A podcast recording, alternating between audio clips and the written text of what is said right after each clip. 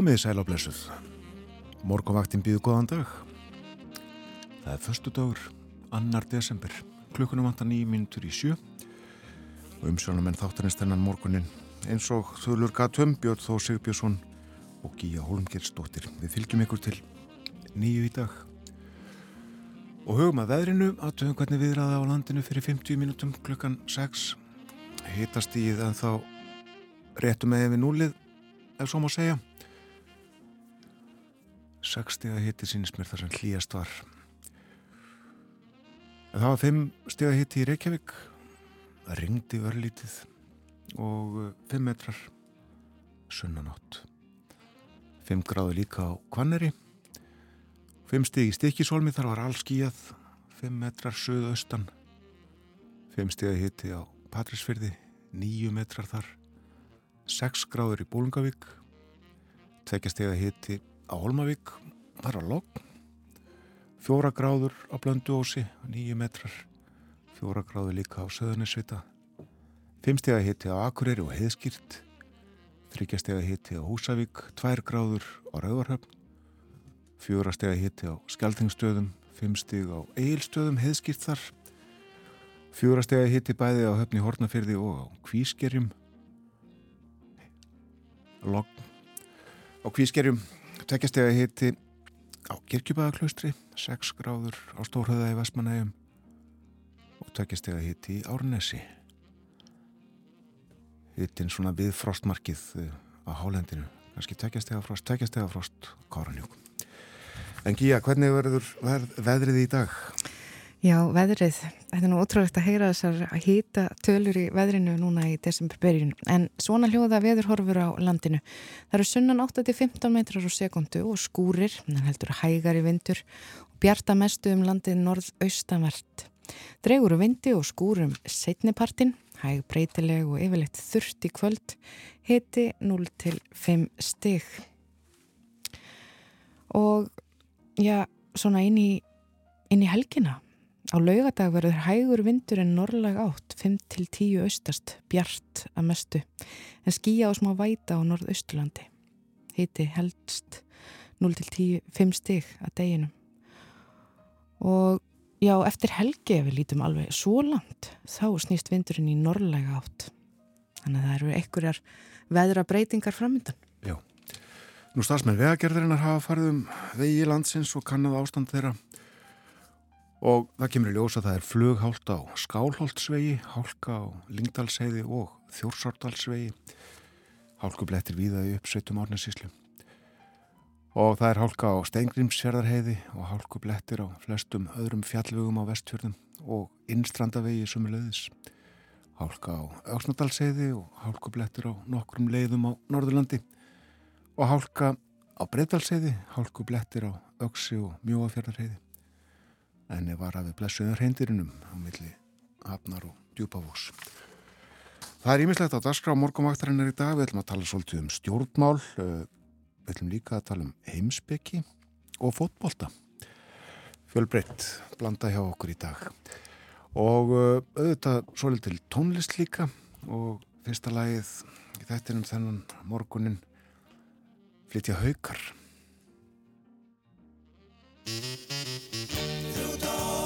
Sandi Þrjú tonna sandi Þrjú tonna sandi Þrjú tonna sandi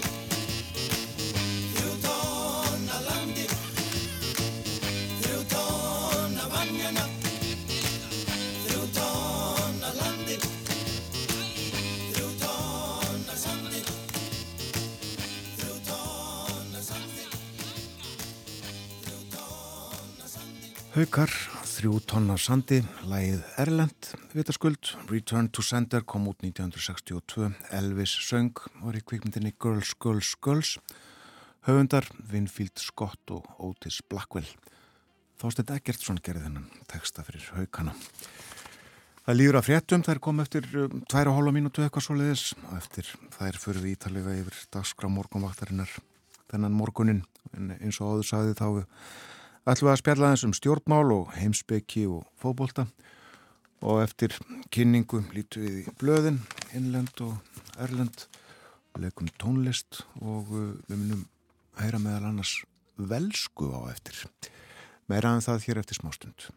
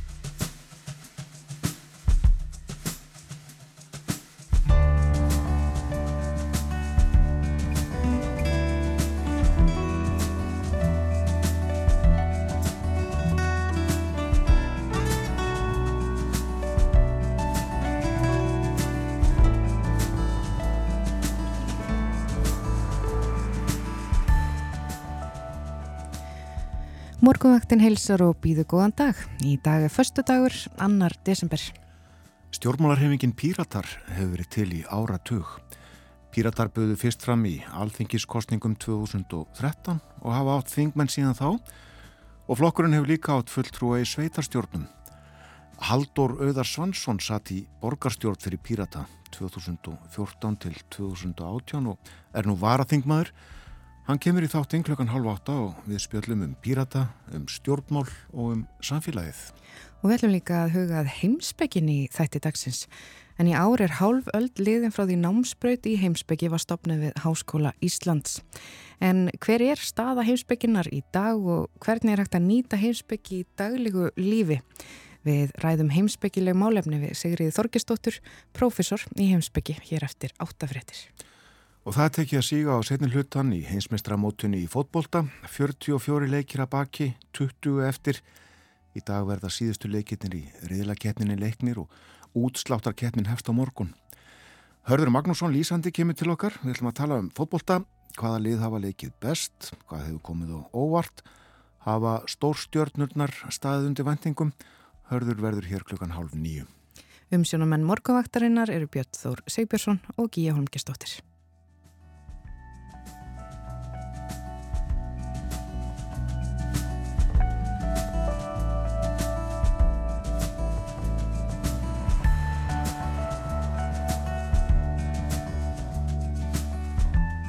Hugum að veðrinu þennan morgunin um, allstaðar nokkuð lít 6 steg að hitti þar sem hlýjast var klukkan 6 víða 5 steg að hitti 2 gráður þar sem svalast var í byggð.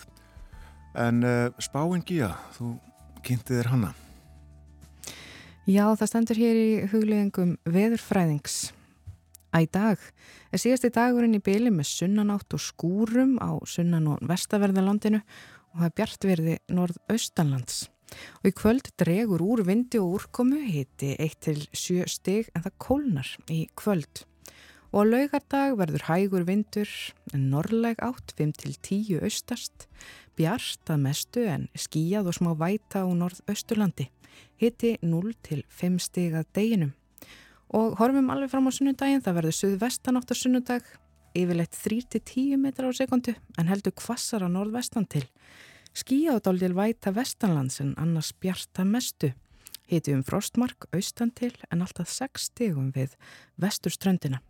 En svo eftir helgi þá snýst vindur í norðlæga átt.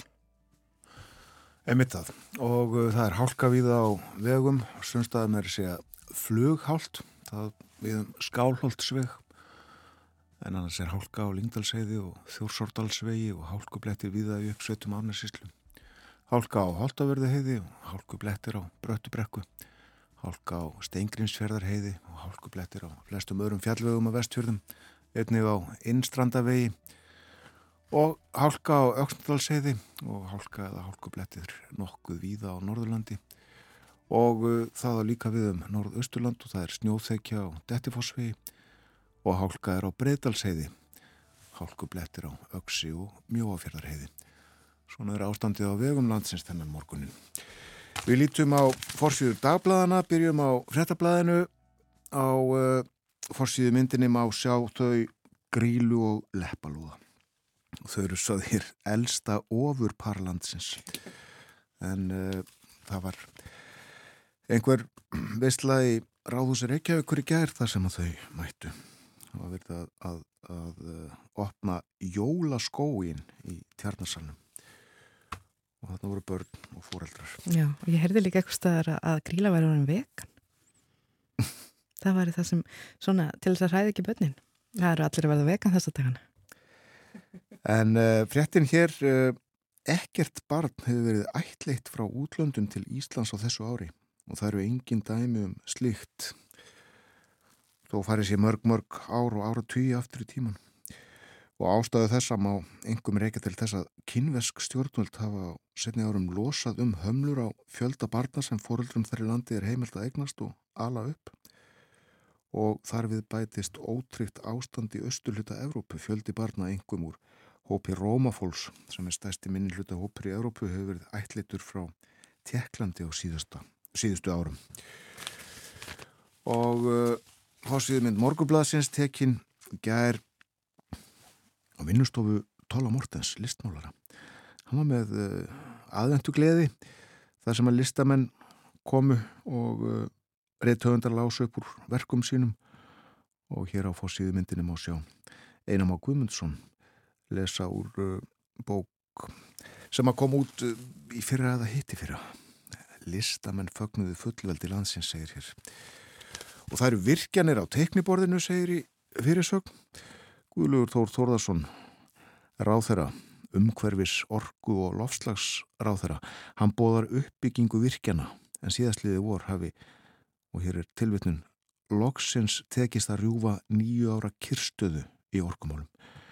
Og meðal annars bóðar hann uppbyggingu vassaflsvirkjana og segir að framkvæmdir við kvamsvirkjunni neðri hluta þjórsár hefjist á næsta ári. Og þá hafi Ísor verið falið að kortleikja jarðhittasvæði á samtíð sem orkuveita Reykjavíkur sé í starthólunu með uppbyggingu. Og uh, ítalega fjallaðum þessi mál, orkumálin, virkjanamál í morgumblæðinu í dag. Kanski úr þessari átt en opimberir verkkaupar fara fram úr sér með því að kræðjast þess að verktakar noti reynorku vinnuvilir í dag. Þetta er mat Sigþós Sigurssonar, hann er formaður mannvirkis sem er félag verktaka í samtökum við innaðarins. Hann er einnig frangáttastjóri Kólas verktakafyrirtækisins.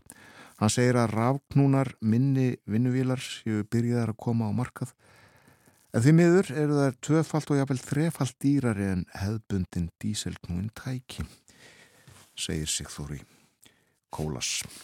Þetta voru íslensku blöðin.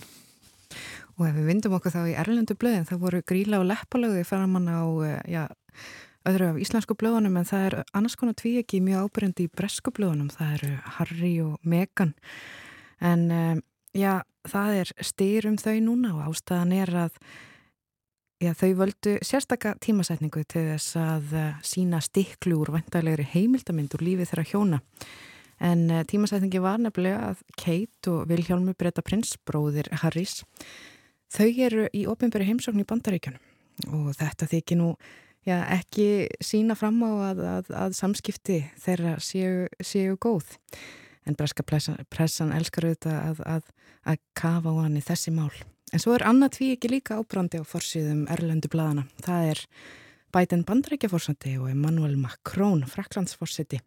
Og það hefur verið, eh, já, fjallað um þessa heimsóknum fraklandsforsiti til bandaríkjana og þar, já, þykja þeir hafa sínt ákvæmna einingu útáfið og Biden lísti því yfir að hann var reyðbúin að hefja viðræði við Pútín gegn ákveðnum skilirðum en uh, til dæmis að Pútín ja, myndi sína vilja til þess að binda enda á stríðsaksur rúsa í Úkrænu.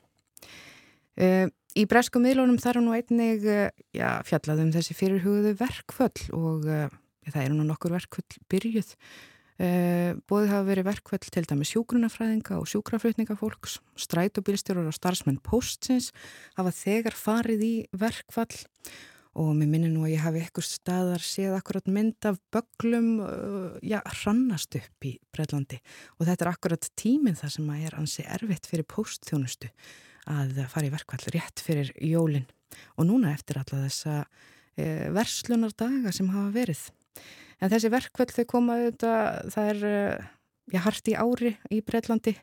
Breyta glíma við mestu verðbólgu í 40 ár, hún er nú rúm 11%. Rafmagnu hiti hefur hækkað eins og hefur verið svo mikið í fréttum og breytar hafa ekki efni á að kynnta íbúði sínar og þetta hefur auðvitað orðið til þess að fjöldi starfstjætta hefur já, já, verið í nokkrum stuttum verkvöldum undarfarnum mánuðu og það heldur áfram. En við skulum aðeins, eh, já, staldra við hér fórsýðmyndina á Guardian. Þetta er aðteklisverð mynd að síni dómara teimið sem að eh, dæmdi í leik Þýskalands og Kosta Ríka í gær. Þetta er mjög uh, sérstakt, þetta dómara teimið. Þetta er einungi skipað konum þetta er í fyrsta skipti sem að það gerist og sínir þetta, já, bara framvinduna í þessum málum. Einsláandi frétt líka frá Þýskalandi sem ég rakst á. Þar segja læknar á bráðatildum barna að það sé ekki nægilega mörg rúm eða rými fyrir eh, börn eh, sem leggjast inn á þýskum sjúkrahúsum með þennan RS-vírus. Læknar segjast þurfa að velja á milli og segja ástandið katastrófist. Þetta hefur auðvitað verið í fréttum. RS-vírusin hefur lagst þungt á ung börn eh, eftir COVID-faraldurinn. Meðal hans hefur þetta verið upp hér á Íslandi og víðar um Evrópu en ástandið er greinilega mjög slemt í Þýskalandi. Svo er það Kína. Kína, já, það er auðvitað fylst með Kína. Eh, ætlunum þar er að milda sótvarnar aðgerðir í kjölfar harðra mótmæla þar í landi.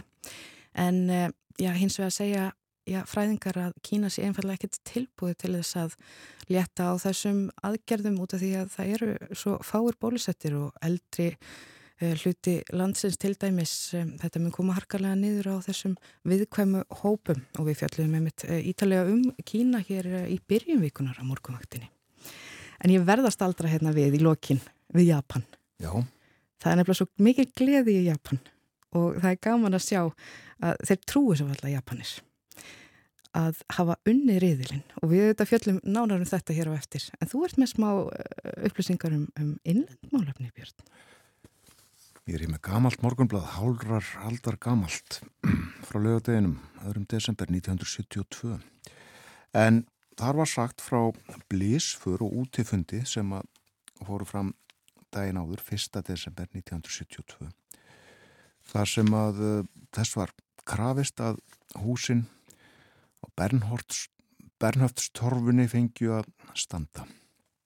Það var húsafriðinu fólk og torfu samtökin voru stopnu þennan dag sem satt fyrir hálfri öld. Og á útifundinum uh, tóku nokkur til máls og uh, í þeim hópi var Þór Magnússon þjóðminjafur morgunblæði saði frá því sem að hann sagði. Við ætlum að grýpa hérna niður í þetta niður í ávarp hans. Það má öllum vera ljóst að nýjar íbúðir þarf að reysa verksmiður að byggja og hraðbröðtir að leggja í stóru mæli En víða verður reyndin svo að nýsmiðin hefur óaðlaðandi yfirbráð, nær því að segja ómannjeskjulegt viðmút sem fólk á erfitt með að sætta sig við.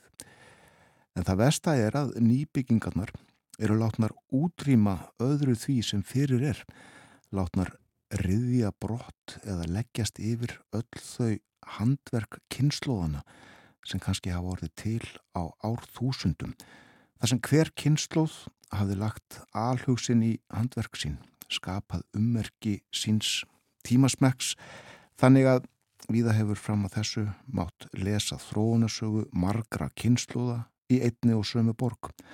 Erlendis er nú þegar búið að víða að taka frá til friðunar og varðveita einstök mannvirki, byggingar hildir eða byggða hverfi sem ákveðir að láta standa til frambúðar, sem minnisvarða um gengin tíma, minnisvarða um fólkið sem bjó við og skóp byggingarnar, minnisvarða um lífstíl kynnslóðana hverjar fyrir sig. Hér á Íslandi erum við heldur setni að taka við okkur.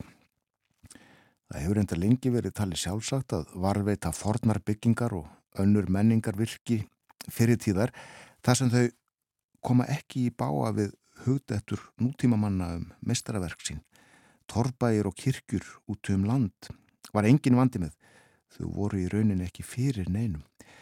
En strax og uh, menningaminjarnar lenda undir reglustikunni á tekniborði skipulasmannana er línan dregin yfir þær og örlög þeirra innsikluð þær verða að fara. Þetta sagði Þóru Magnússon á útifundi fyrir hálri öld og bætti við enn er tími til að vakna en eigum við hér í Reykjavík og víða út um land dálítið af yfirbræði bæjana frá því fyrir daga löngu reglustikana. Við verðum að snúa tablinu við og taka til við að hlúa því sem tengir okkur við okkar eigin fortíð og sögu. Torfisamtökinu á voru stopnuð fyrir hálri öld. Þór Magnússon verður hjá okkur hér á morgunvaktinni eftir helgi. Við ætlum að rifja upp þessa tíma og uh, tala um gömul hús og byggingar varðveislu. En við ætlum að tala um fótbolta hér í lokþáttar og það er því, já, við skulum þá að hlusta á velst stuðningsmannalag. Hér er lægið Íma og Hít sem að Rauði Vekkurinn sem er stuðningsmannalið þeirra veilsverja, syngja. Eh, það merkir á ennsku stil hér eða ennþá hér.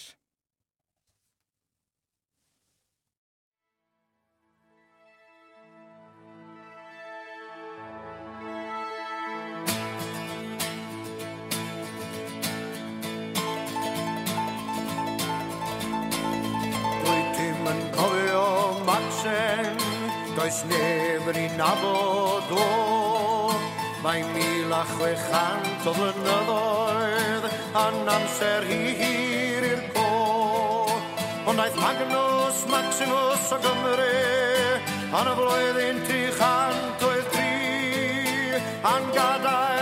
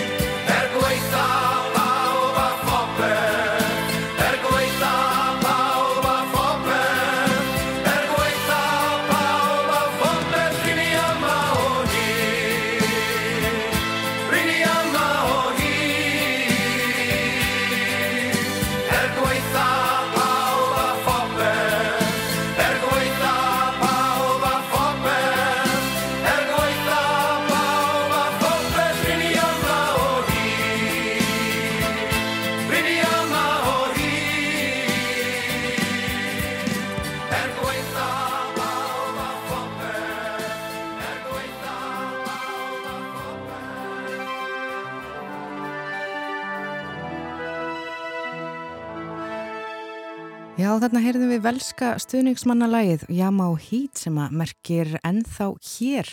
Lægið var flutta David Ian og flutta hljómsveitinni Arlog sem er velst þjóðlegaband sem hefur verið starrakt síðan um 1970. Þetta lag kom út árið 1983 og hefur síðan þá aukist gríðarlega vinsaldum og er orðið að stuðningsmannalægi velska landsliðsins og stuðningsmanna þess sem kallast The Red Wall eða Rauði vekkurinn. En David Ían hann er velskur söngvari og stjórnmálamæður sem var þekktur fyrir að semja og flytja þjóðlega tólnist á velsku en hann hefur einnig beitt sér í stjórnmálunum og beitið sér fyrir sjálfstæði veils frá Breitlandi. En í þessu lægi þar er sungiðu um mikilvæga sögulega viðburði í velskri sögu á velsku og lægið fjallar þó einna helst um hvernig velskan hefur lifað af og heldur áfram að vera til.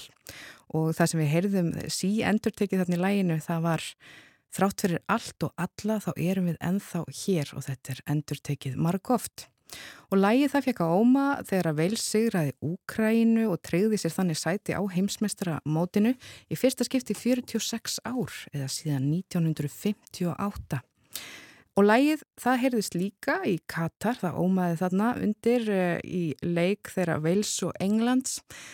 Að vísu tapaði Veils þeim leik og heldur ekki áframferðalagi sinu á hefstmestarmótinu, en englendingar gera það hins vegar. Og meira um fótbolta, setna á morgunvaktinni þennan morgunin hörður Magnússon Lísandi verður með okkur millir hálni og nýju. Við ætlum að tala um hefstmestarmótið fótboltan sem hafa verið spilaðar þarna.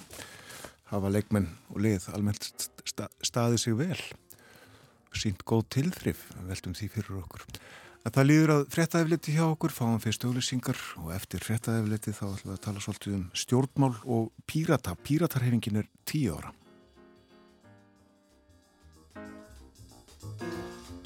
Sæl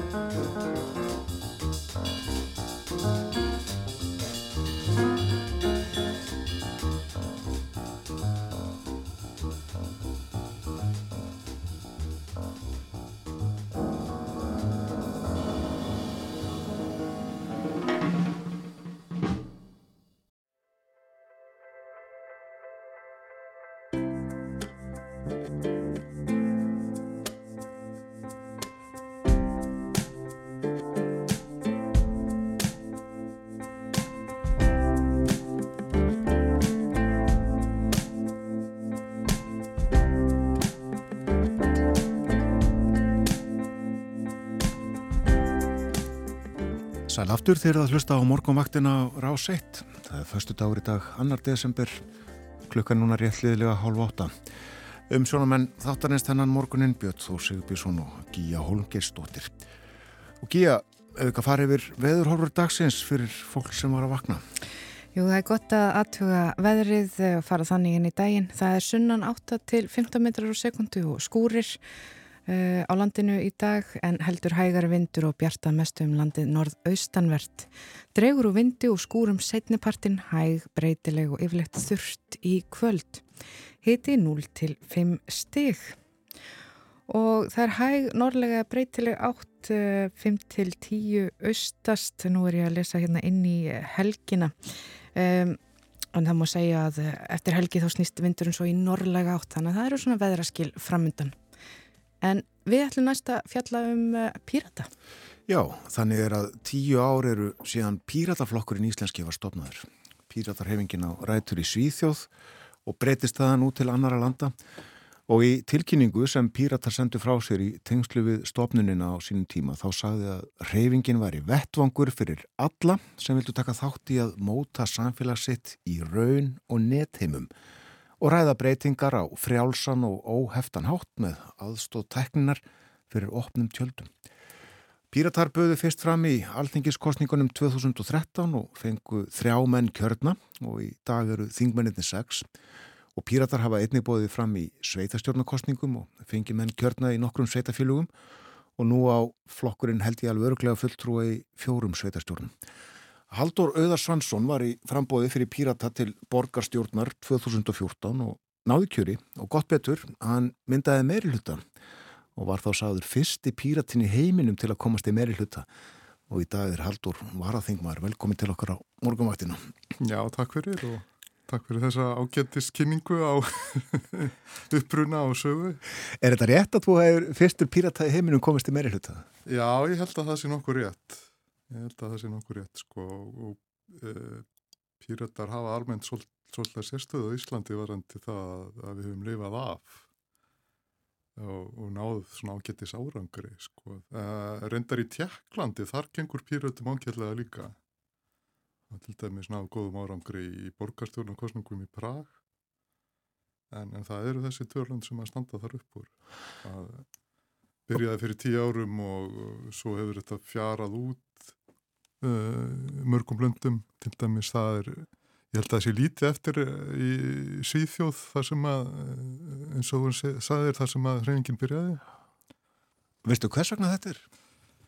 Um, já, ég góð spurning.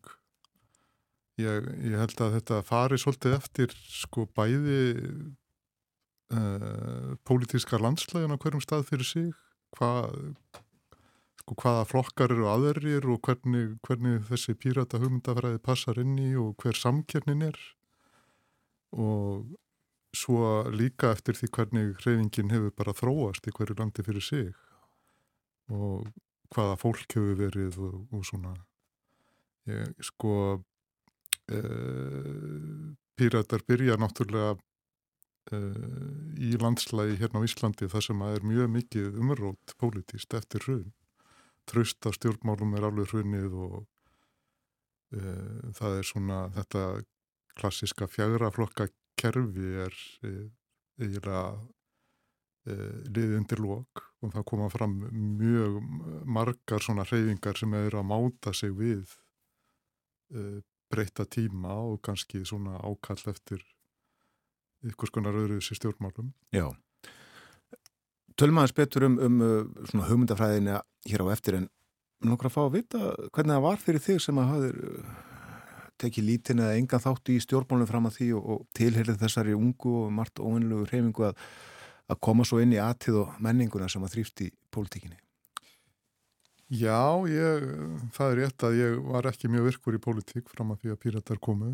Mjög áhugað samur um hana, fóreldra mér eru báðir stjórnmálafræðingar og ég er svolítið alveg upp í að hafa áhuga á pólitík en eh, aldrei verið virkur að taka þátt eða einhverju svona, einhverju alvöru, sko. En ég, ég er sefst svolítið að uh, því sem að fólk, fóristu fólkflokksins var að segja aðdraðanda þingkostningarna 2013 ég kom inn rétt fyrir, rétt fyrir þær kostningar og tók þátt í stefnumótun og fannst þetta áhugavert, ekki bara út frá þessari hugmyndum eh, að leggja áherslu á eh, internetið í tengslu við stjórnmál heldur bara svona almennt svona ferálslindi og, og einstaklingsferelsi sem að mér fannst heimlandi og fannst uh,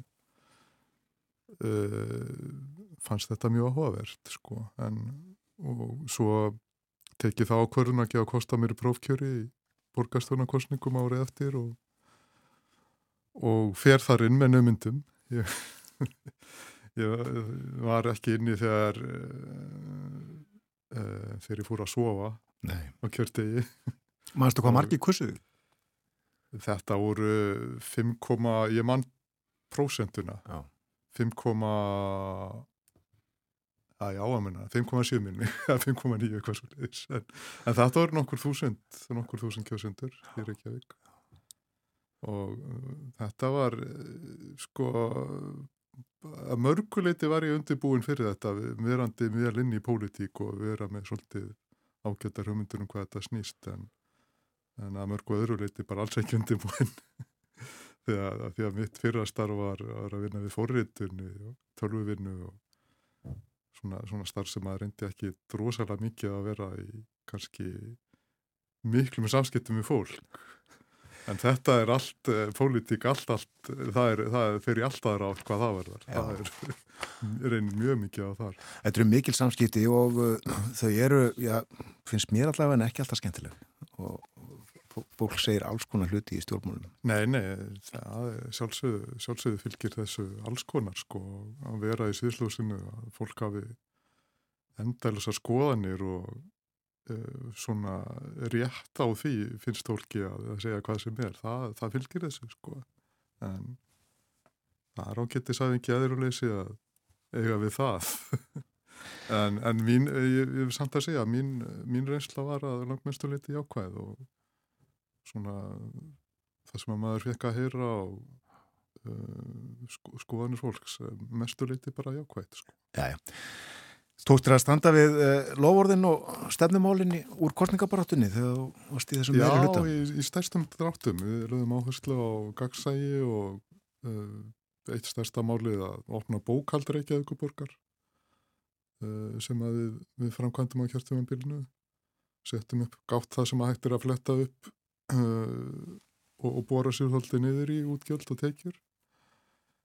Og uh, ég laði mikla áherslu á upplýsingatæknimál. Uh, stopnaði það sem að hétt til að byrja með rafræn þjónustu miðstöður Reykjavíkuborgar hefur, hefur núna tekið nokkrum nafnabreitingum síðan þá en er í raun alltaf sami hlutur. Það er, það er þessi hugmyndum að hafa eina einingu sem að uh, hefur á höndum upplýsingatæknimál sem að vinnur þverst á borgarkerfið. Þegar ég kom þarna inn þá var, var upplýsingatæknin svolítið dreifð um borgina og engin einn aðeli í rauninni sem að hafið ábyrð á þessu að, að verkefna stýra og, og halda utanum forgangsröðun. Og, og því, því tiliti fannst mér svona líka sérstaklega skemmtilegt að þegar ég var að, var að stýra því að móta stefnuna í upplýsingatæknimálum og, og stopna þessa einingu þá Uh, það var sett í forgang að, að byrja á velferðarsviðinu. Uh, sem sé rafvæða eða, eða netvæða þjónustuferla þar. Það, hefði setið svolítið eftir.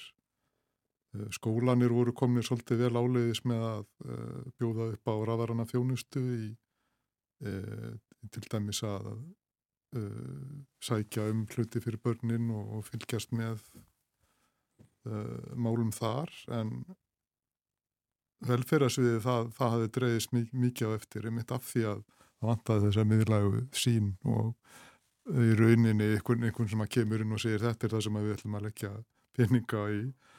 Og, og kjörtímabilinu eftir að ég fer út þá er og þá er farið í það að klára að rávæða þjónustuferla í, við að sækja um fjórhastafstof og það sé hægt á netinu. Einmitt. þetta fekk mér í sig að sérstök verðlun fyrir vefverlun Það er ekkert annað. Þetta, já, þannig að já, já, og svo uh, gerðum við við gerðum sérstaklega skýrslu eftir kjörstímanbyrjuð þar sem að við gerðum upp sko, fórum bara yfir skipulega þetta er það sem við rófum þetta var það sem er á stefnusgráðuna og gerðum bara upp eins eðarlega við gátum hvað ávanst og hvað ekki og þetta er, þetta er eitthvað sem að ártakar mínir í, í borginni hafa tekið upp að, að halda svolítið skipulega utanum.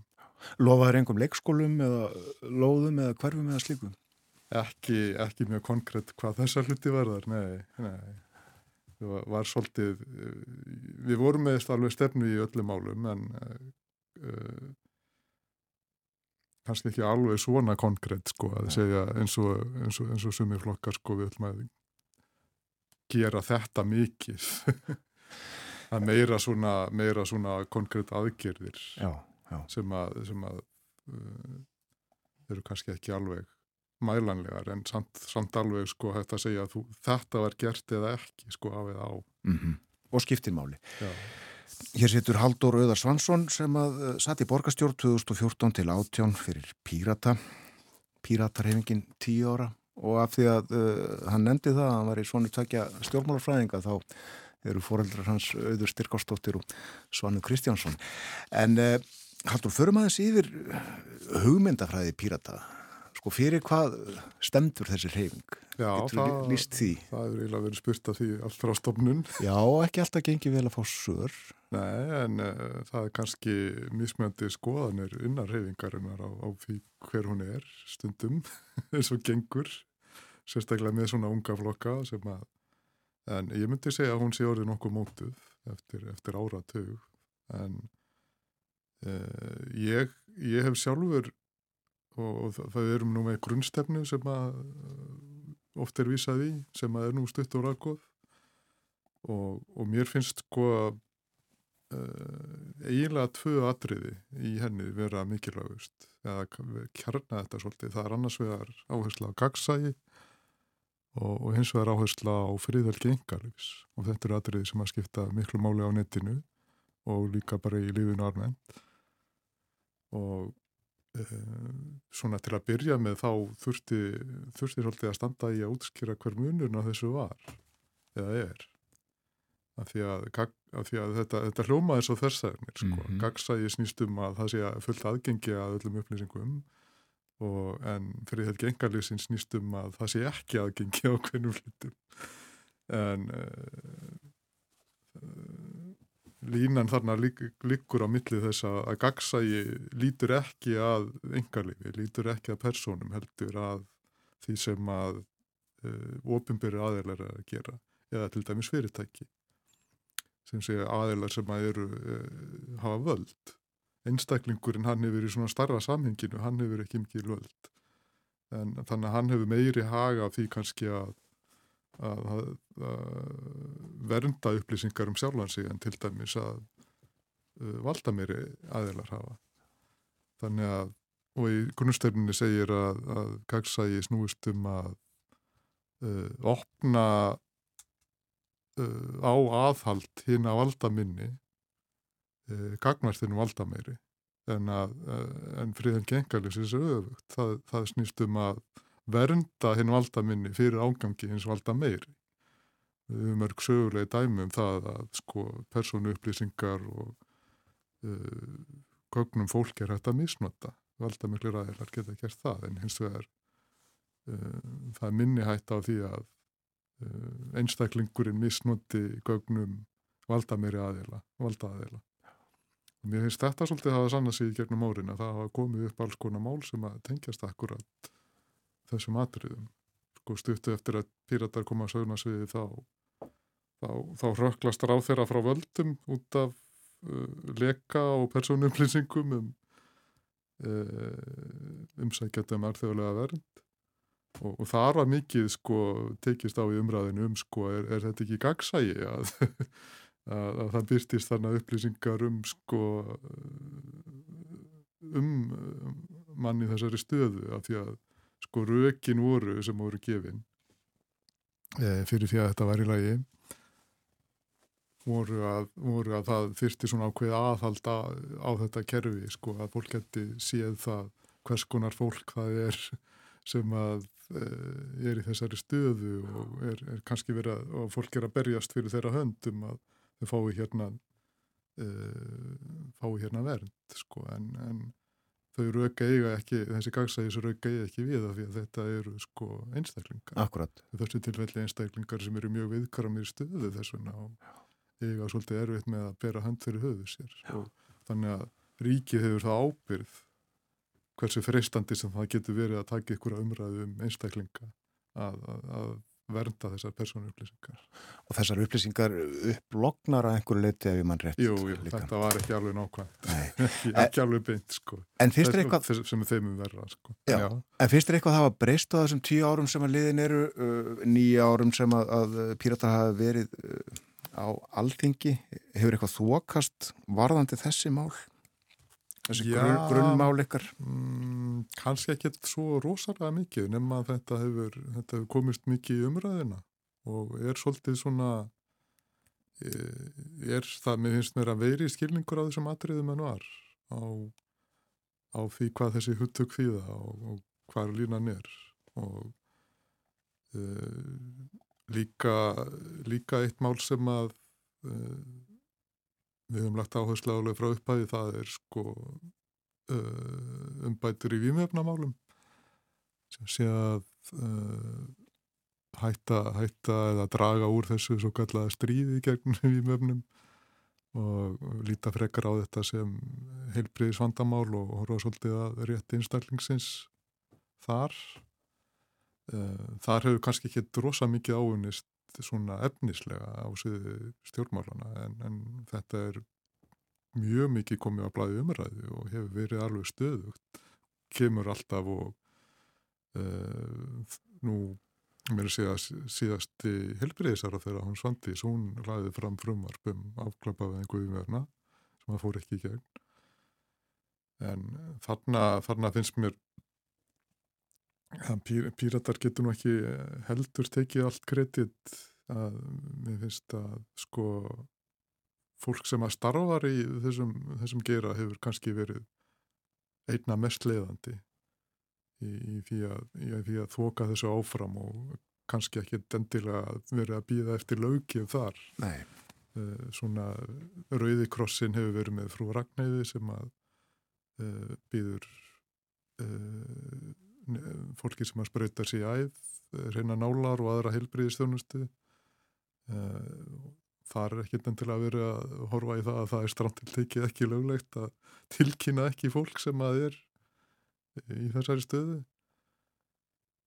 en uh, svo hefur sko á, á þessum tíu árum þegar maður horfður tilbaka það, það er svona almennt séð það er mjög margt breyst en samt ekki í stjórnmálunum við erum með þrjá að fjórum fjórflokkonum í ríkistjórn og ég held að ég held að uh, ég held að svona helsti kvatin að þeirri ríkistjórn sé að halda svolítið í gamla fyrirkomuræðið fyrir ekkar en einhver hugmyndafræði. Já. því að þetta eru svona þeir flokkar sem eru e, anstæðir pólar komnir saman. Þeir eiga það samiðilegt að vera e, svona í eldra læginu Heldur að píratar fara einhvern tjóðin í ríkistjórn? Það geta alveg gerst já já, það við höfum verið nálætt við í stöku sinnum verið virðaðum sem að hafa ekki, ekki klárast og e, Píratar hafa sagt það alveg engi að við séum tilbúin í það. Þannig að í þessu pólitíska landslægi sem er hér, þá veit maður aldrei hvað gerist. Nei. Hvað vonar það að gerist? Ég vona, gott, að þú spyr beint út með það.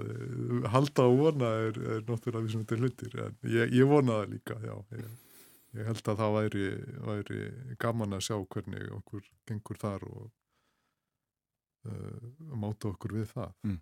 og við erum náttúrulega með mjög ákveðna sína og svona líkil mál sem að þyrti að framkvæma uh, stjórnaskráin heldur við til dæmis eða ný stjórnaskrá hefur verið á stefnuskráni allt frá upphafi. Uh, það er nú annað sem að er verið að halda upp á áratöksamæli á það er þjóðra hvaða greiðslanum nýja stjórnaskrá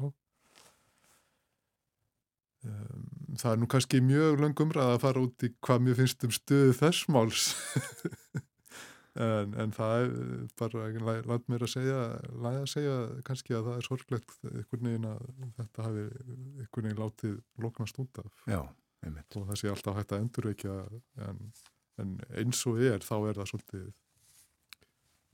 já, ekki mjög virt mál. Nei, það er segja það En uh, þú ert uh, bara sælur gladur með uh, reyfinguna og störfennar þennan áratug sem hún hefur verið já, til? Já, nokkuð sáttur sko. Mér veist fólki sem er að fengi núna mjög flott já. og við hefum nú alltaf haft mjög flott fólk að fengi og ég er mjög ánaður með að artaka mína í borginni finnst að, finnst að þau hafa staðið sér einstaklega vel og pýratar sína þar að við getum vel starfað í valdastöðu. Þó við höfum alltaf verið í andstöðu í, í uh, uh, á finginu og erum kannski mjög þekkt fyrir andstöðu að vera svolítið á móti hlutum. Þá þetta var ágættis áskorin og var nú ekkert var nú ekkert planið þegar ég var að bjóða mig fram að stökkvaði meirluta en það er líka annað sem er sagði átt það fyrir sig hvernig það þróaðist að fyrir meirluti fjell og Eh, við hefum nú ekki við hefum nú ekki talað rosa mikið um það ofinberlega en það nú liðið það langt frá að ég held að, held að það sé alveg hægt að að, að tala svolítið svona bynd út með það hvernig, hvernig það þróaðist allt saman en, en það var í raun Sólið Tómasdóttir sem að uh, eh, fjekk þá hugmynd að við, við tvö ég og hún myndum fara saman í meira hluta viðraður í stað þess að stað þess að slást um það hvort okkar fengi að vera þriða hjólið. Já, já. Þannig að það, það mótel, sko, fjara flokkamótel er náttúrulega enn í uh, ennverið í borginni með mismöndi flokkum. Einmitt. Og mér finnst það að vera pínu endurvatning á gamla Reykjavíkur listamótelinu. Akkurat. Við komumst ekki lengra því miður, uh, tíminn líður. Þakkaði fyrir að koma til okkur á morgumaktana. Já, takk fyrir bóðið. Haldur Rauðar Svansson. Varaþingmaður fyrir Pírata en uh, áratögur liðin frá stopnum þeirra reyfingar og uh, það var haldið upp á þetta núna fyrir fánum dögum. Ímislegt gert uh, Pírata Þing haldið en til málþingsum spillingu og svo var púl og píla og pöpfis og ball að sjálfsögðu. En það líður að fréttonum hjá okkur, fáum fyrst auglýsingar allt með hefðbundum hætti þennan morgunin. Eftir fréttir ætlum við að tala um heimsbyggi sem að nú hefur verið kentið Háskóla Íslands í halva öld og svo tölum við um fótboltamilli hálf nýju og nýju. Hörður Magnússon Lísandi verður gestur okkar.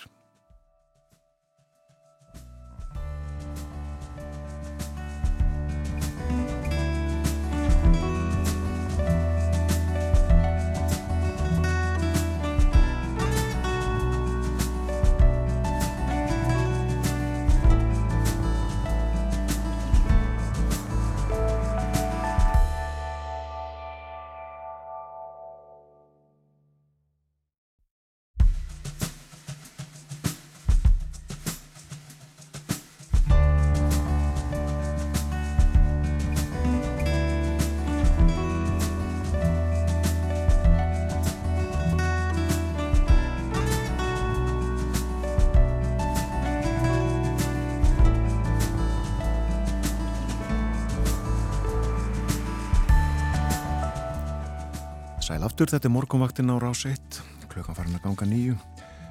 Það er förstu dagur í dag, annar desember.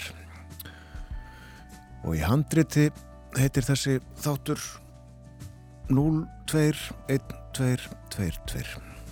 Dagsetningin lítur svona út á blaðinu hjá okkur. Haldur Auðar Svansson var að þingmaður Píratasatt hér hjá okkur áður. Það var borgarfulltrúi 2014 til 18 við töluðum saman af því tilefni að það er áratugur liðin frá því að píratarhefingin á Íslandi var stopnud og hún átti og árætur sínar í Svíþjóð breyttist þaðan út víða um lönd sínum tíma. En píratir eru eiginlega ekki til neinstæðar annar staðar í dag nema á Íslandi. Og haldur kunni nú ekki alveg skýringar á því. En uh, á eftir ætlum við að tala um knallspyrnum um heimsmeistramótið í Katar. Hörður Magnússon Lísandi verður með okkur verður hér rétt upp úr hálf nýju En nú ætlum við að fjalla um heimsbyggi af því að í ár er hálf öll liði frá því að námsbröyti heimsbyggi var stopnið við Háskóla Íslands Og það er líka 40 ár síðan að heimsbyggi stopnun háskólans var sett á laginnar og af því tilefni þá efnir heimsbyggi stopnun til málþings á morgun með dagskrá sem að, eh, já, á að endurspegla þann fjölbrytileika sem er í heimsbyggi rannsóknum á Íslandi.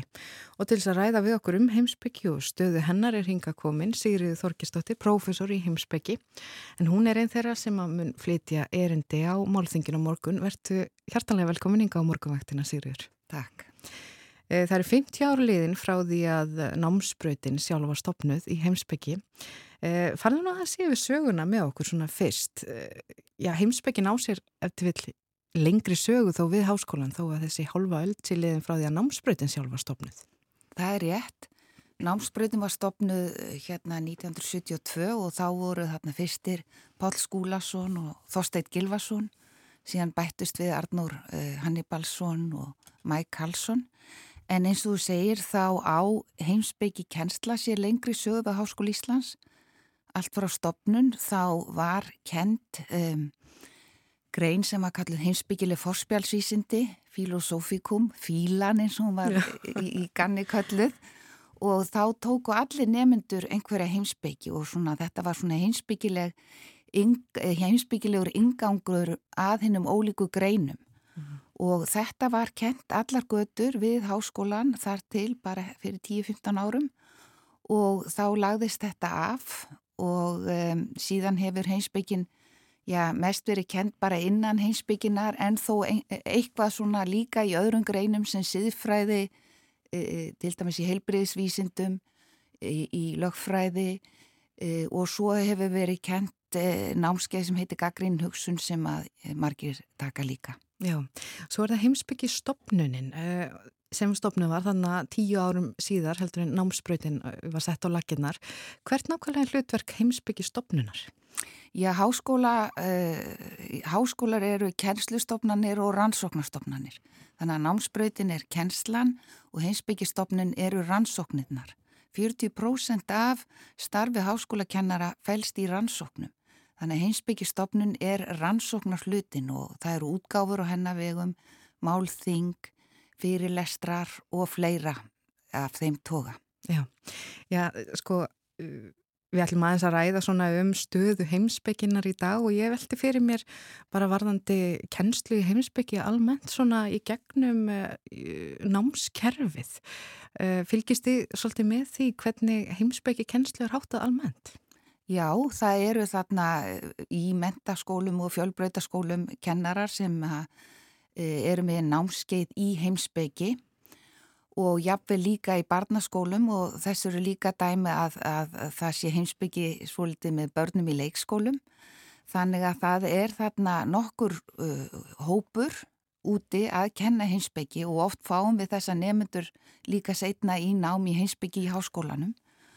Og Guðrún Holmgistóttir hefur til dæmis verið mjög virk sem heimsbyggi kennar í mentaskólum við Hamrallíð og uh, þannig að við erum líka einnig með sagt, námsleið meistaranám í heimsbyggikenslu og mörg þeirra sem þar hafa farið í gegn hafa farið út í heimsbyggikenslu í skólum.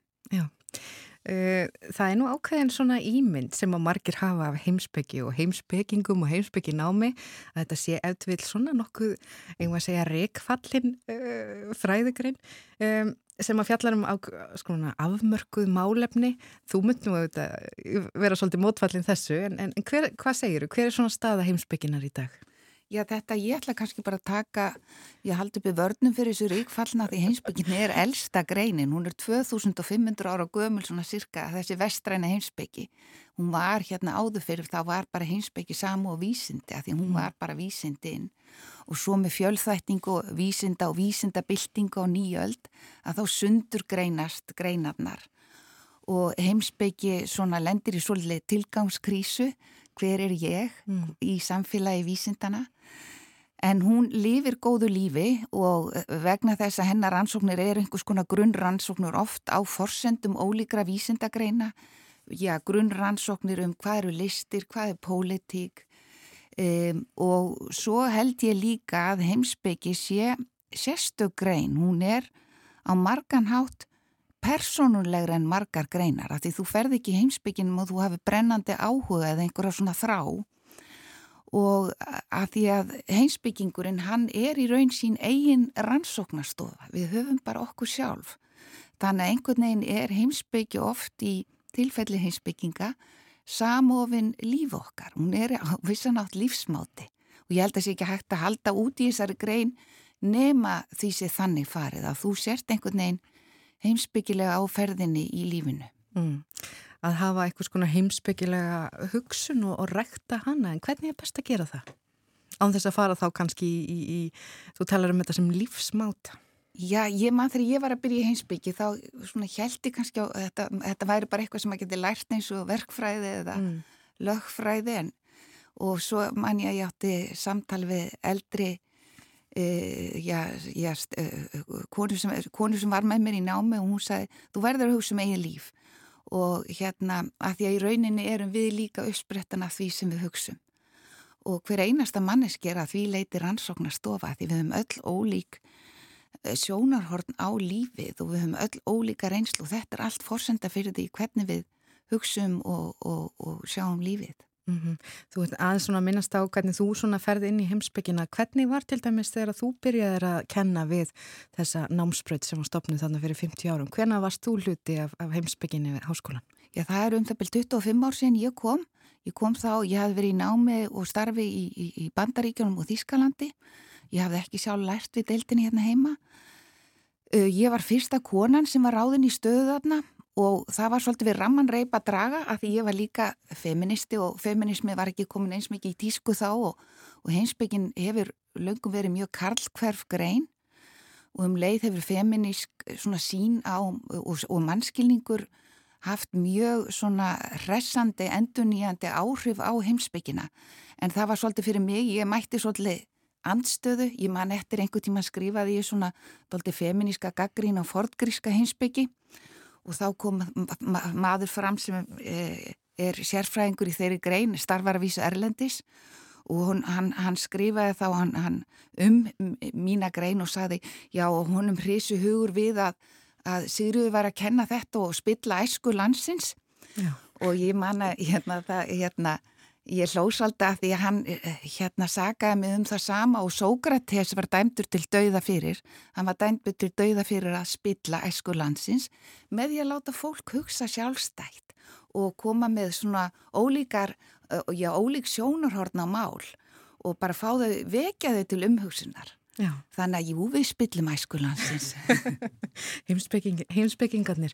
En þú þá bara ána með þessa gaggrinni sem þú fegst?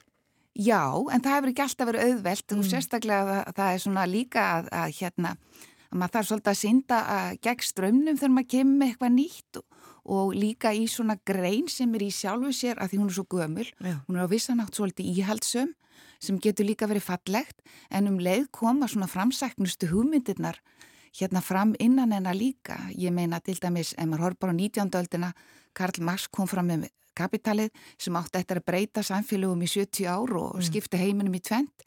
Á 2000. kom Beauvoir fram um miðja öldina með hitt kynið. Það hefur fátt sem haft meiri áhrif held ég á bara svona hugmyndir okkar um samfélag og stöð okkar heldur nefnitt það rít. Þannig að heimsbyggin heldur áfram að vera svona ólseg og gömul og um leið alveg sprúðlandir hess. Já, um, sko heimsbyggingar þeir eru oft kallaði til þegar það þarf að skilja og rína í viðfem hugtök málefni sem að, já, er erfitt að skilgruna ná utanum. Uh, hvernig svona blasir þessi samtími við þér? Hvað finnst þér svona enginandi? Vá, þetta er stórt Stór, spurt. Maður þarf að spyrja heimsbyggingar svona stóra spurninga, þegar? Já, jú, og það er, það er, það er svona erfitt hvar, hvar á að drepa niður fæti e, það sem manni er náttúrulega hugleiki núna er bara hvernig netið og samfélagsmiðlar hafa mótað samtíman mm. og hvernig allt hefur breyst líka innan fjölmiðlunar og hvernig e, hérna við erum á marganhátt líka svona polariseruð í allri ofinbæri umræðu að það voru mikla vonibundna við neti að þú veist að umræði því, ofinbæri umræði er því líðræðislegri en við, það er eins og þessi algrím, algoritmar hafi tilneingu til að setja okkur upp í andstæða fylkingar og það er mikið hættu merki og vegna þess að, að þá einhvern veginn er, er svona almenningur að rýfast um einhver kannski smámál mm. og stjórnvöld og ráðandöfl í heiminum geta farið sínu fram og skipta heiminum á milli sín. Þannig að, að, að það er einhver, sko, við erum búin að koma okkur á þann hátt í einhverja doldi óþægilega stöðu og heimsbygin held ég að hún, henni megin ítla við að, að láta skipta sér upp í andstæðar fylkingar að því að, að því að lífið er ekki þar og, og við erum ekki þar og heimsbyggin gengur út á skilning. Mm. Hvernig getum við skilið aðra, það sem aðri geta skilið? Hvernig getum við tala saman? Hvernig getum við brotið upp svona e, hérna skautun og bara reynda að skilja hvort annað? Já, og hlustun þá og svona skilningur. Já, við höfum alltaf, ég meina bara allt frá upplýsingunni þá hefur verið lögð mikil áherslu á að eh, við hefðum hugur ekki til að tjá hug okkar og segja skoðunur okkar að það væri lífæð fyrir líðræði og líðræðislega umræðu en við meðum heldur ekki gleyma því að hver einasta manneskja hefur þörf og þráir að fá áheyrn. Mm. Þannig að það er jafn mikil kunst og jafn mikil tíkn og reysni við manneskunni í því hvernig hún hlustar á aðra og leitast við að skilja aðra, jafnvel einhvern sem ert mjög ósamála. Hvað veldur því að þessi manneski er að segja eitthvað sem ég get ómögulega felt við mig? Hvað gerða verkum hún lítur heiminn þessum augum og ef ég fæ einhvern svona dýbri skilning á því að þá getur eitthvað hrefst að að að, að bara skilja. Akkurat. Eh, það er málþing á morgun á vegum heimsbyggi stopnunar og erindin, það er sagt að, erindin sínið þarna fjölbreytileika heimsbyggi rannsókna á Íslandi en er eitthvað svona sem er, já má segja, sé einkennandi fyrir íslenskar heimsbyggi rannsóknir? Já, heimsbyggi er sem akademisk grein, þá er hún ung og, og, og Pál Skúlason talaði oft um það að íslensk hefði væri svolítið svona fangin meiri í sögum heldur en í mm. Svona heimsbyggilegum hugleggingum og hann og, og brautriðindirnir þeir eh, gerðu mikið til að koma svona heimsbyggilegri hugsun af. Það sem hef, þeir líka lögða áherslu á þarna í upphæfi var síðfræði Já. og það eru þrjár námsleðir innan heimsbygginar, siðfræði viðskipta, siðfræði umhverfis og siðfræði heilbriðs og lífvísinda sem að tjá þá áherslu en hins vegar er bara líka að eiga sér stað enduníjan innar heimsbygginar þannig að við erum með ólíkar áherslur vísinda heimsbyggi, málsbyggi, feminíska heimsbyggi, e, verufræði bara, við, við höfum alltaf haft e, á, átt í lána að fagna að vera svolítið fjölbreytilegur hópur. Líka því við erum komið frá þessari eigi og við förum út um allan heim og lærum. Við erum með sérfræðingi kynveiskri heimsbyggi líka og þannig að við erum líka að gera okkur grein fyrir ólíkum hefðum innan mm -hmm. hennar. Og þetta byrtist einhverju leiti í, það eru sex fyrirlestra hérna á morgun og, og það er svona gefur svolítið, svolítið einsýn inn í þá fjölbreytni sem er þarna í námsbreytinni. Já, og hefur hlutur hvenna aukist eftir að, já, þú byrjaði þarna, uh, varst svolítið svona einn í þínum feminísku rannsóknum, hvernig hefur súþróum verið? Já, það er komin annar profesor, Eija Margrit Brynjarsdóttir og við erum líka út, við erum með doktorsnáma þarna og það hafa útskrefast þarna líka uh, á undarförnum árum konur í greininni sem eru komnar út í samfélagið og farnar að tjá sig þannig að þetta er allt á bestu leið. Já, uh, erindi þitt á morgun, það nefnist líkamlega gaggrínin hugsun í samhengi heimsbyggi gaggrínar hugsunar. Útskýrðu þetta aðeins fyrir okkur? Já, þetta er alveg ræðilegu dítill þegar ég heyra hann svona. hann er svolítið heimsbyggilegur. Já, ég er að rannsaka líkamlega hugsun og að því að ég ánáttúrulega verið að kenna fólki að hugsa sjálft og að það fái tröst bara til sjálfsins að það geti hugsað því ég held að það geti allir hugsað hinsbyggilega mm og ég held við höfum öll eitthvað merkilegt fram að færa. Og sko þessi líkamlega hugsun hún byggir á bara rannsóknum í vitsmunavísindum, í heilavísindum. Við erum með alþjóðlegt rannsóknarverkefna á þessu sviði og hérna við hugsum sko, hugsun einskorast ekki við heilan. Við erum sko í rauninni sapna af allri okkar reynslu, öllu sem við höfum gengið í gegnum, öllu sem við höfum lesið. Og þetta er allt sem við byggjum á þegar við tjáum okkur. Og ég er að, í rauninni að reyna bara að kenna fólki með nýjum anþverðum sem hafa verið þróið í framhald af svona rannsóknum að hugsa sjálft, að hugsa út frá því sem ég kalla skínfinningu mm. Að nýta sér þá reynslu þekkingu og reynslu innistæðu sem við öll höfum og bara til að styrkja okkur í hugsun og líka til að skilja okkur sjálf betur og hafa fórsendu til að geta skilið aðra betur. Já, þetta er aðteklisverð, líkamlega gaggrinu hugsun. Maður kannast nú við þegar það verða eitthvað svona líkamlega viðbröð hjá manni, eitthvað svona innra sem að uh, ég tekst kannski á við það sem að gaggrínin hugsun segir manni. Er, er þetta þá eitthvað sem þú ert að, að, fást við líka og kannski að vekja fólk til umhugsunar um, um að hlusta á svona innsæði sitt? Algjörlega. Og ég held líka að þetta kemur bara að því ég er feministi, þú veist að mm. feministi segið engasviðið er, er, er pólitíst, þá myndi ég segið persónlega er heimsbyggilegt og bara hvernig manni líður þegar einhver segir eitthvað eða þegar maður lesa eitthvað, maður getur treyst í og maður á að nýta það við erum á þann hátt öll alveg ofboslega listræn og frumleg. Já, og þú vil taka já, hvern og einn inn í þessa heimsbyggilegu hugsun. Já. Það er bara eitt stort já. já. Um, það er málþingið á morgun og þar verða, já, ótal fyrirlesarar því eru þarna, hvað, 6-7 á mælundaskrá? Já, það... Uh, Það verður hérna fyrir utan mig tala hérna Ólafur Palli Jánsson, Alli Harðarsson, Svavar Svavarsson, Nanna Lín Haldóstóttur og Viljámur Átnarsson. Já, og þetta eru þetta ólíkar, eh, ólík viðfársefni hjá öllum? Já. Uh, og þetta hefst hvinnar? Þetta hefst klukkan eitt á morgun og í Háskóli Íslands. Já, og þetta er alls saman að tilefni þess að það eru hálföld liðum frá því að námsbröyti heimsbyggi var að stopna við Háskóla Íslands og 40 ár síðan að heimsbyggi stopnun háskólans var sett á lakinnar. En uh, Sigriður Þorkistóttir, professor í heimsbyggi, bestu þakki fyrir komuna hinga á morguvaktinu að ræða um heimsbyggilega hugsun og, og ég stöðu heimsbygginar í dag. Takk fyrir. Takk.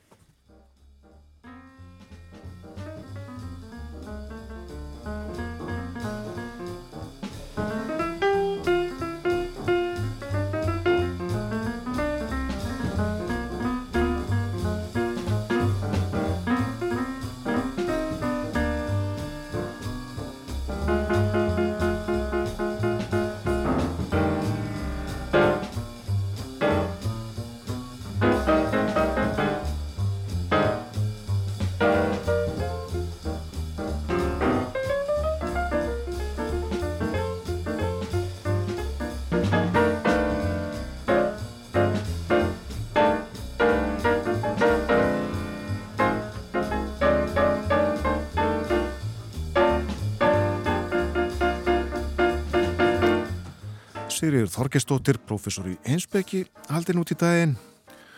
Skinfinning, sagðan. Það er hennar viðfónsefni, hún er að rannsaka skinfinninguna. Það líður að fréttaði við liti, fá það á slæginu hálf nýju og eftir það verður Hörður Magnússon með okkur, við viljum að tala um fótbolta, HM í Katar, reyðlaketninni líkur í dag og 16 liða úslitin hefist á morgun.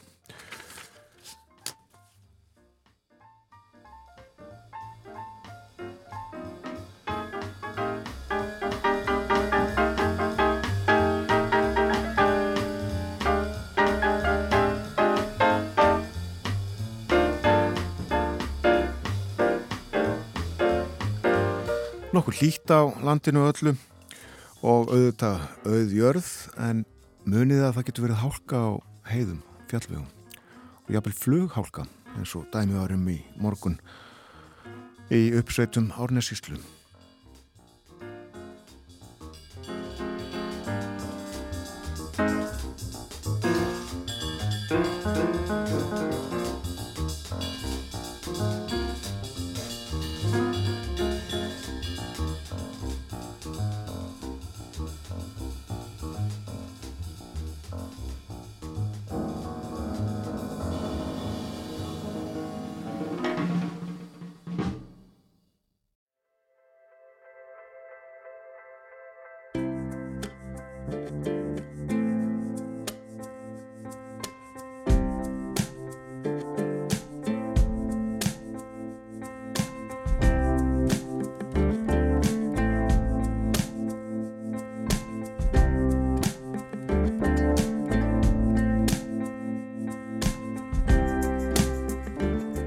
Aftur þér að hlusta á morgunvaktin á Rás 1 klukka núna réttliðilega hálf nýju og framöndan síðast í hluti þáttarins. Og uh, nú verður fjallað um fótbolta. Já heimsmeistra keppnina í Katar. Riðlakeppnin líkur í dag það eru fjóri leikir á dagskrá. Verður þar barist um síðustu sætin í 16 liða úrslitunum sem að hefjast á morgun. Hörður Magnússon er meðal lísenda á Rúf og hann fylgist grant með þessu öllu saman eins og vel flestir fótbolta unnendur og við ætlum að spjalla hér vítt og breytt um knaspununa. Velkomin til okkar, Hörður. Takk, gaman að vera hérna. Mér langar að, tala allra fyrst um framistuðu liðana almennt. Uh, hafa leikinnir uh, heilt yfir verið vel leiknir? Það er góð spurning og þetta er alltaf svona um, matsatriði, hvað er skemmtilegt og hvað ekki. Mér finnst að það hafa verið óvinni margi góðu leikir í riðlakeppinni Uh, sumir hafa verið síður skemmtilegir en sérstaklega núna í loka umferðinni í reyla keppinni að þá eru við með nánast alla leiki sem að skipta máli. Það er frekar óvennilegt uh, síðan getur menn svona farið að ræða þetta út frá tæknilegu sjónameði eru leikinnir uh, er spilamennskan góð eða ekki? Það er alltaf erfitt kannski að fara út í það. Já, já. En að gerta einum spennu þrungnar stundir nokkrar. Það var, var alveg rosalegt. Ég var að lýsa Japan spotn og ég bara trúði ekki það sem að var að gerast því að Costa Rica á tímabili var Costa Rica og Japan áfram.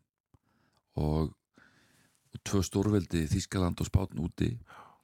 Uh, og Japanarnir voru bara með taktík sem að gekk fullkomlu upp það er að segja láta spánvarinn að vera með boltan og herja síðan á þá uh, þegar tími gafst sérstaklega upp af við setni áleiks og þeir vinna leikin ekkit ósvipaður gerðu gegn þjóðverum í fyrsta leik.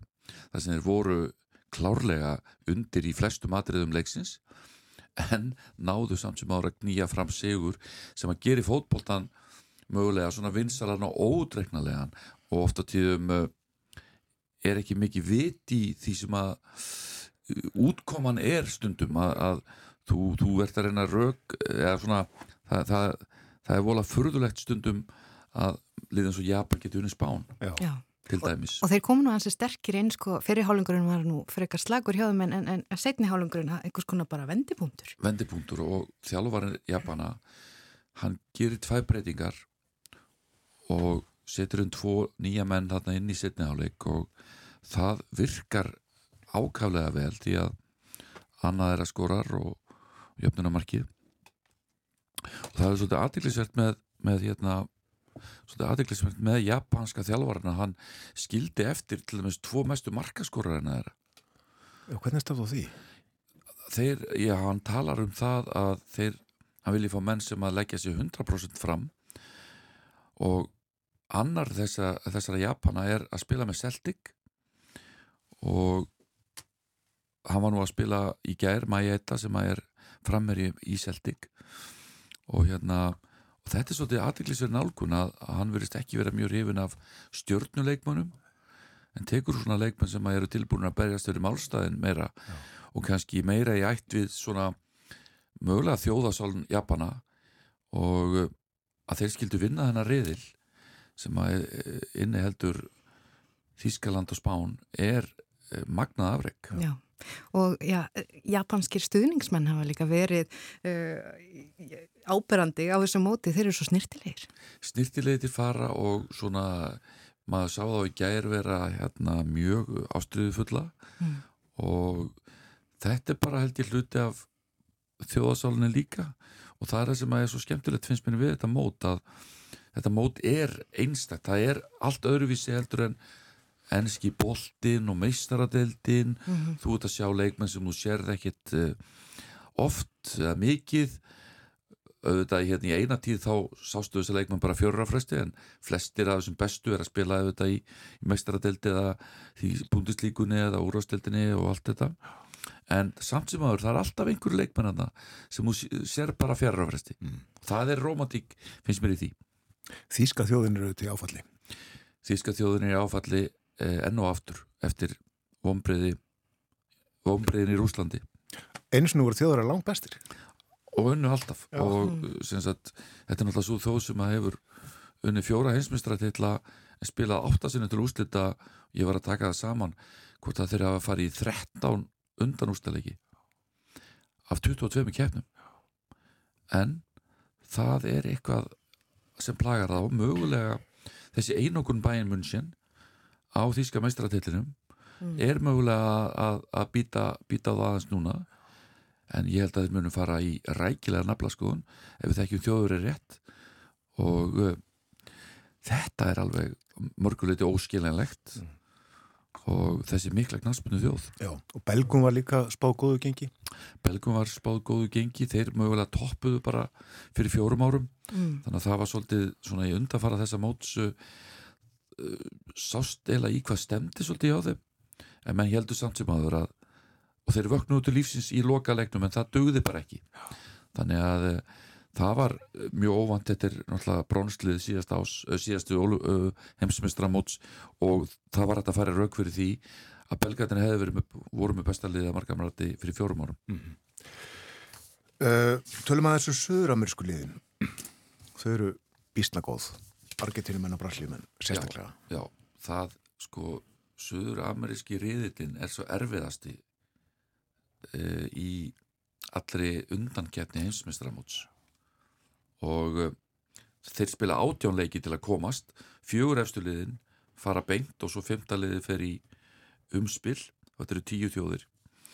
Og við erum að sjá núna argentínumenn sem að vissulega töpuðu óvænt uh, fyrir sátórum en hafa komið síðan sterkir tilbaka og unnu tvo samfærandi sigra. Ekki dósupað þeir gerðu 1990 þegar töpuð fyrir Kamerún í fyrsta leik. Fóru síðan í ústaleikin en töpuðu reynda fyrir þjóðurum og hérna Brasilíumenn þeir voru ekki alveg jafn sleipir svona flottir í leik 2 þar vantaði Neymar og vantar enn mögulega í kvöld. Þannig að en þessi tvö eru mjög líklega að fara mjög langt og vonbreiði þó fyrir hérna Söður Ameríkulegina, Ekvator datt út og Úrugvæ hefur ekki náð sér á stryk. Nei. Tölum að þessum stjörnunar, þessi stóru, risastóru nöfn í fókbóltanum, uh, Messi, Ronaldo, Suárez, Neymar, hafa þessi menn staðið undir vendingum? Uh, Messi já, minnst Messi hafa verið betri núna en var fyrir fjórum árum. Hann er líka í betra liði, hann er með betri leikmenn í kringum sig sem skiptir máli. Uh, Neymar er verið að dæma hann út frá einum leik en samt sem áður þá hefur hann verið að spila betur heldur en undanfærin ár. Og uh, Ronaldo ég veit eiginlega ekki hvað ég á að segja. Það eru þessi stjórnu stælar Ég veit, já, ég, sko, ég var nú lýsa leiknum sem hann reyndi að taka markið að Bruno. Já.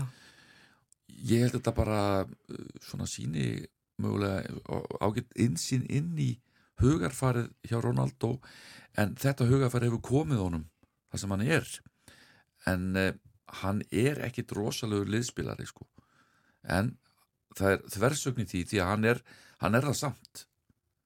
Það er, þannig að hann, er svona það er erfitt að útskýra með Ronaldo en, en hérna hann uh, vissulega skoraði eitt mark og, og er í góðu liði. Já, en já, þetta er sérstakun áhengi hann er það. Þú finnur eða bolti snertið þig. Þú finnur að þú bolti snertið þig og fyrir einhverjum árum bara kannski tveimur árum Mm. þá hefða mögulega geta grenjað þetta mark út. Já.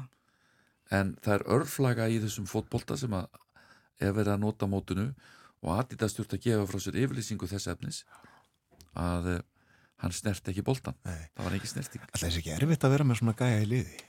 Ég held að það hafi verið málið síðustu ár uh, það sem hann var bæði hjá Juventus þá voru nú einhverjir hérna búin út sí og fleiri í því liði sem að voru hálf fegnir að losna við hann Mm. síðan fer hann til Manchester United síns gamla félags og við vitum öll hvað gerist síðan núna hér á aðdraðanda þessa, þessa móts Mhm. Og hann er komin í nýtt lið.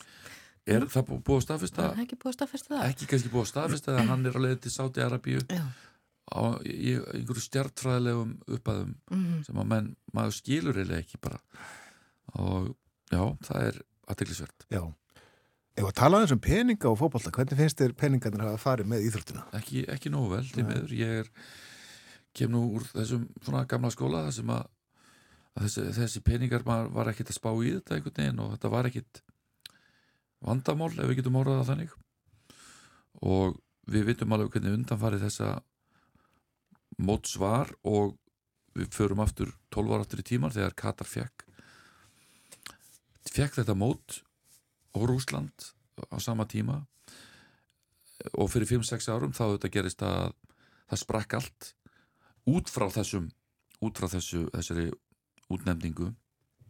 Og mennitin sem að stóða baki eru mögulega allir fardir úr fótboltanum einhverju leiði fangilsi í fangilsi og svo framvegis ég held að FIFA hafi lært af þessu. Ég held að hlutinni séu ekki alveg 100% samt sem áður ennþá þeir þurfa ennþá að gera meira reynd fyrir sínum dýrum, dýrum að mínum mati. Og margt skríti við þetta og, og ef þeir halda á þe- áfram á þessari braut þá eru þeir bara að reyna að eiðilegja orðsporið og ég held að fólk sko fekk alveg nóg núna. Það var hingað og ekki lengra og það verður fylgst með þeim grant held ég uh, í náinni framtíð Já. ég held samt sé kannski ósangjant að að skella öllu á Infantino sem að tekur við uh, svona hálgjörum brunarústum og þarf að gera það besta í stöðunni uh, það var búið að útluta Katar og hérna en vonandi næsta mót verður í þremur löndum Mexiko, Kanada og Bandaríunum Já. og hérna það er allavega skrifir rétt átt. Já, en hann var nú sérstakur Infantino í þessari yflýsingu þessari laungu ræðu sem hann held á bladamann að fundið þarna rétt fyrir mót þar sem hann sagði hérna við gaggrindur þegið bara. Já, ég veit eða ekki hvað á að segja um þessa ræðu. Nei. uh, Ég hérna mögulega var hann komin hérna upp að vegg og hann var að reyna að setja sér í spór allra hvort að það hefði tekist það er svona umdeilalegt frekar. En, eh, en þar eru rétt hjá hann hann, hann hefur nú verið svona, hann var hjá Júfa lengi Európa-knastbundarsambandinu var mjög svona, virtur þar sko. En eh, var þetta tengdur blatter þeir eru komað frá samalandi en hérna infantín og fótboltin í hildsinni þarf auðvitað að skoða sinn hug. Og við sjáum þetta auðvitað með Oljurissa Parísan sem hann og Man City City og Newcastle og fleira og fleira að þetta er orðið mjög uh, svona óþægilegt finnst mér. Mm -hmm. aðeins um dómgæsluna ég, við töluðum nú um það hérna í morgun að það hefur verið uh, hvern dómarar uh, já, þetta var svona tímamót aldrei hefur verið svona einu gistæmt af konum. Hvernig hefur dómgæslan verið og, og þetta eru auðvitað merkt tímabót með allar þessar konur merkt tímamót með það og komið tími til og, mm. og, og það er náttúrulega þurfa að fara þá bara í sama, sama nálarauð og kallarnir þurfa að gera. Þetta eru þreikpróf og þetta er það, það er, það er ekkit auðvelt að komast inn í þetta. En eh, alveg frábært. Um, varandi dómgæslunni í hilsinni þá finnst mér hún að hafa verið góð. Mjög góð í mörgum leikjum. Og líka það að pressan er ekki jafn mikil á dómurunum mm. vegna þess að þú ert með baktrygginguna. og það geta, maður getur sagt ímislegt um, um hana, ég var mjög lindur þessu sín tíma, ég hef ekki alltaf verið lindur hvernig nú þetta hefur verið notað sérstaklega í ennsku úrastöldinni að mestu hefur þetta verið notað rétt. Mm. og uh, mér, mér finnst þetta til mikill að bóta og mér finnst líka þessi uppbóta tími Já. sko helst, helst að vandam á fókbóltans undanfærin ár að mínum að þetta hefur verið að bóltin er alltaf lítið í leik. Þú ert með uh, hérna 90 mína leik og lið hafa gert bara út af það reynlega að tefja og mhm. tefja og tefja. Þarna hefur verið að koma til mótsvið þá sem að vilja hafa bóltan sem mest í leik. Og mér finnst þetta bara sko mér finnst þetta að þurfu bara mögulega að stoppa alltaf tíman sko. Já. þannig að, að árundur eru, eru ekki sviknir, árundur eru að koma til að horfa á leikin, mm. ekki til að horfa sjúkar þegar hann kom inn á og gera einhverjum ímynduðum meðslum leikmanna til dæmis Svo eru menn bara óbáslega lengi átt að taka eitt yngast Já. Sem er nú til til að einföld framkvæmt Eða markspinnu, eða þetta og hitt. og ég var ná að lýsa fyrsta leiknum þegar þessi miklu uppbóta tími kom. Ég, ég var hálf kvumsa sko. Mm. en, en síðan fór ég að aðeins að skoða þetta og við komumst að því að Pierluigi Colina sem er svona yfirmaður dómaramála hjá FIFA hann var búin að gefa þetta út fyrir mótið. Já. að þetta væri þeirra mótvægi við töfum. Já. Og það er ítalski dómarinn er það ekki, Jú, þessi sem maður hefur nú séð oft eh, svo sköllótti Eitt svo besti sögunni. Svo besti sögunni. Þú mótmæltir honum ekkert. Nei, þú mótmæltir honum ekki og hann svaraði mönnum fullum hálsi. Já, já. Hann var hérna og hann er mjög uh, greindur maður og, og, og skynsamur og, og síðan eru menni svo Arsen Wenger og fleiri sem eru svona, svona pjúristar, ef ég má orða það, pjúristar fótbóltans svolítið og uh, þarna hefur verið að finna allavega góðalegð finnst mér að koma til mótsvið þá sem að já, liðið sem að vil uh, sækja og, og ekki hagnast á, á, á töfum hinsliðsins Hvað heldur að uh, gerist í dag, uh, sko í fyrsta lagi, hvaða uh, lið fara með, með hérna brössunum og, og, og portugalum áfram? Sko, þetta eru auðvitað, ég, ég, ég hef þá trú að serbarnir fari áfram. Ég, sko ég endar, það er kannski einhver óskikja, ég á mjög hrifin að þeim í aðranda þessa móts, hefur verið mjög hrifin að þeirra spila með sko, pínum ombrið á móti Brasilíu, en þeir náðu sér síðan á strikk uh, í næsta leik. Og ég held að Serbati komist áfram með Brásónum og síðan hef, hafa verið mikil vonbriði með Uruguay Já. það eru einn mestu vonbriðin þeir hins vegar geta bjarga sér uh, gegn Ghana uh,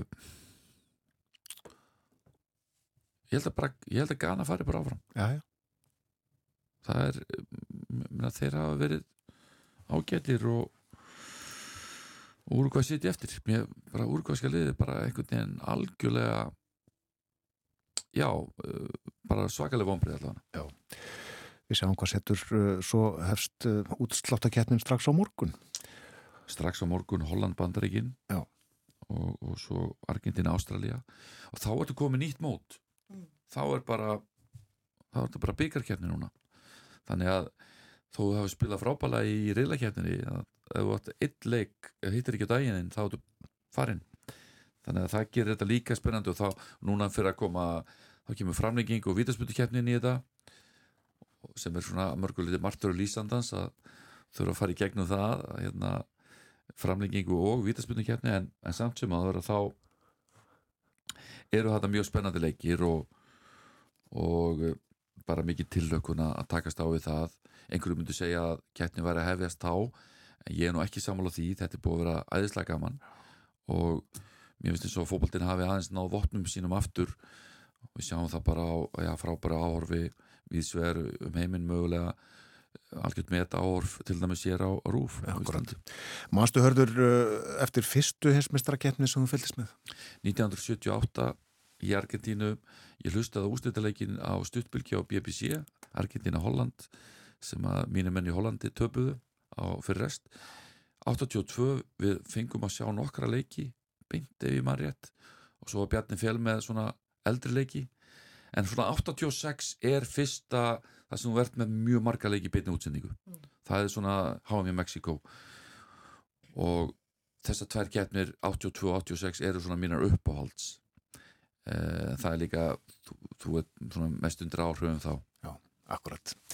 Þakkaði kærlega fyrir að koma til okkar hinga á morgunvaktinu hörður og þakkaði fyrir lýsingatar. takk fyrir mér var ánægin Hlustum á uh, Ómar Ragnarsson. Ég held að það sé eina vitið það syngur hér um Jóa Útærja.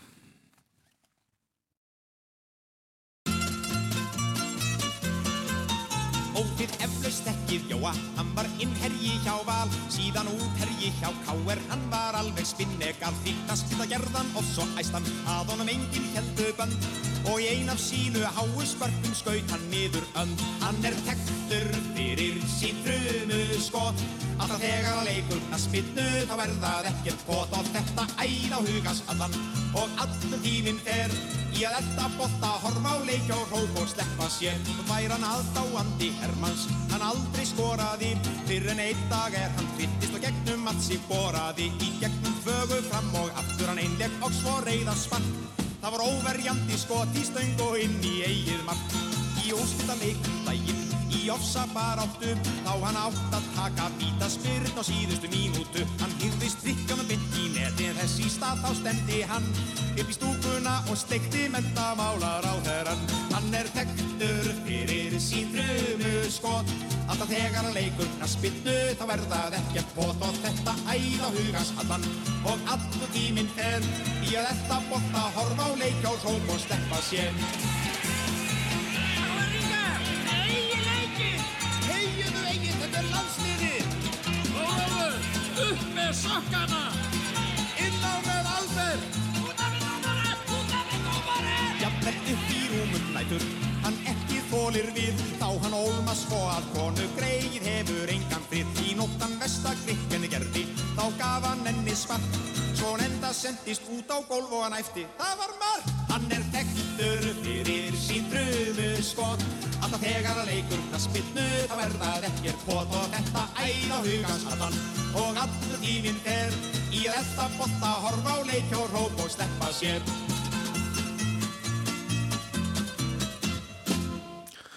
Ómar Ragnarsson og lægið um Jóa Útærja komum ímsir fleiri við sögu í þessu lægi.